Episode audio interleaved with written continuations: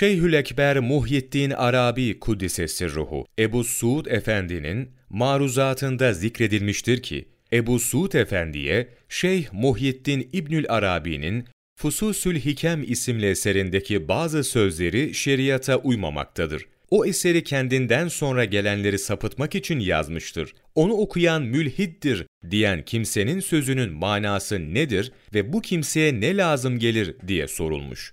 Ebu Suud Efendi de, evet o eserde şeriata uymayan bazı sözler vardır. Bazıları bu sözleri şeriata uydurmak için tevil etmişlerdir. Fakat biz bu şeriata uymayan sözlerin bazı Yahudiler tarafından Şeyh Muhyiddin İbnül Arabi Hazretlerine iftira edilmiş olduğunu yakinen biliyoruz.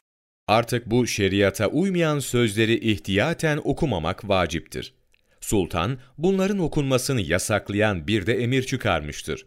Buna göre şeriata uymayan eserleri okumaktan, ezberlemekten ve dinlemekten sakınmak vaciptir diye cevap vermiştir. Kamus sahibine Şeyh Muhyiddin Arabi hakkında sorulduğunda onu çok methüsena edip onu fasih ve beli olan sözlerini güzel bir vecih ile tefsir ve tevil edip dedi ki, Allah'ım o Şeyh-i Ekber'in itikat ve kendisiyle Hak Subhanehu ve Teala Hazretlerine amel ve ibadet ettiği şeylerde ve kendisinde senin rızan olan hayırlı sözleri bize ilham ederek söylet. Muhyiddin Arabi, hal ve ilim cihetinden tarikatın şeyhidir. Hakikaten ve resmen erbab-ı hakayık ve ashab-ı dekayık olan kamil, mükemmel ve vakıf ve esrarın imamıdır.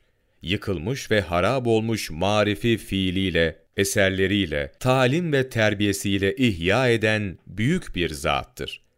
Şeyh-i Ekber, zamanında yıldızlar gibi olan alimleri gizleyen bir buluttur ki, kendisiyle beraber meydana çıkıp şöhret bulamazlar.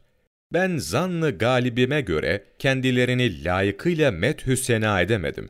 Ben, kendi inandığım şeyi söylediğim takdirde bana bir vebal olur. Şeyh-i Ekber'in kadrinin yüksekliğini ve şanının büyüklüğünü bilmeyip, onu şeriatın hududunu tecavüz eden kimselerden zanneden cahilin sözüne bakma ve onun sözüne itibar etme. İbni Abidin 9. cilt sayfa 36 18 Haziran Mevlana takvimi